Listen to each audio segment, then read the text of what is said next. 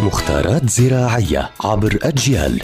نتعرف في كل حلقة على سر من أسرار عالم الزراعة وفلاحة الأرض مع المهندس الزراعي مجدي عبد الله.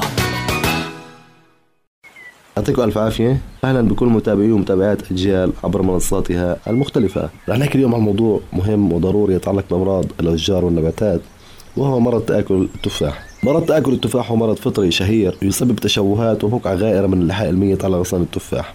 بمعنى أنه أنا عندي غصن تفاح في ثقوب فهذا اسمه مرض تأكل التفاح. أيضا ثمرة التفاح لما يكون فيها ثقوب يكون فيها حفر يكون فيها بقع بنيه يعني بشكل حفرة غائرة أو عميقة هاي يسمى مرض تآكل التفاح.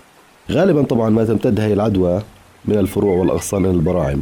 بمعنى أنا لما ينصاب عندي الفرع أو ينصاب عندي الغصن بيمتد إلى البرعم اللي هو مسؤول عن الإثمار وبالتالي الثمرة ما بتثمر أبدا.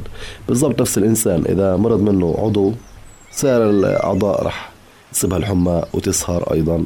فالنبتة إذا انصاب البرعم فيها أو انصاب الورقة أو الفرع رح يمتد للبرعم والبرعم ما رح يطلع إثمار أبدا. فلازم إنه نكون حريصين ان نكافح الأمراض اللي بتواجه التفاح والثقوب اللي بتكون غائرة في التفاح عن طريق رش المبيدات الفطرية دائما. فهذا موضوعنا اليوم وهو مرض تاكل التفاح والثقوب اللي بتصيب ثمرة التفاح. ويعطيكم ألف عافية.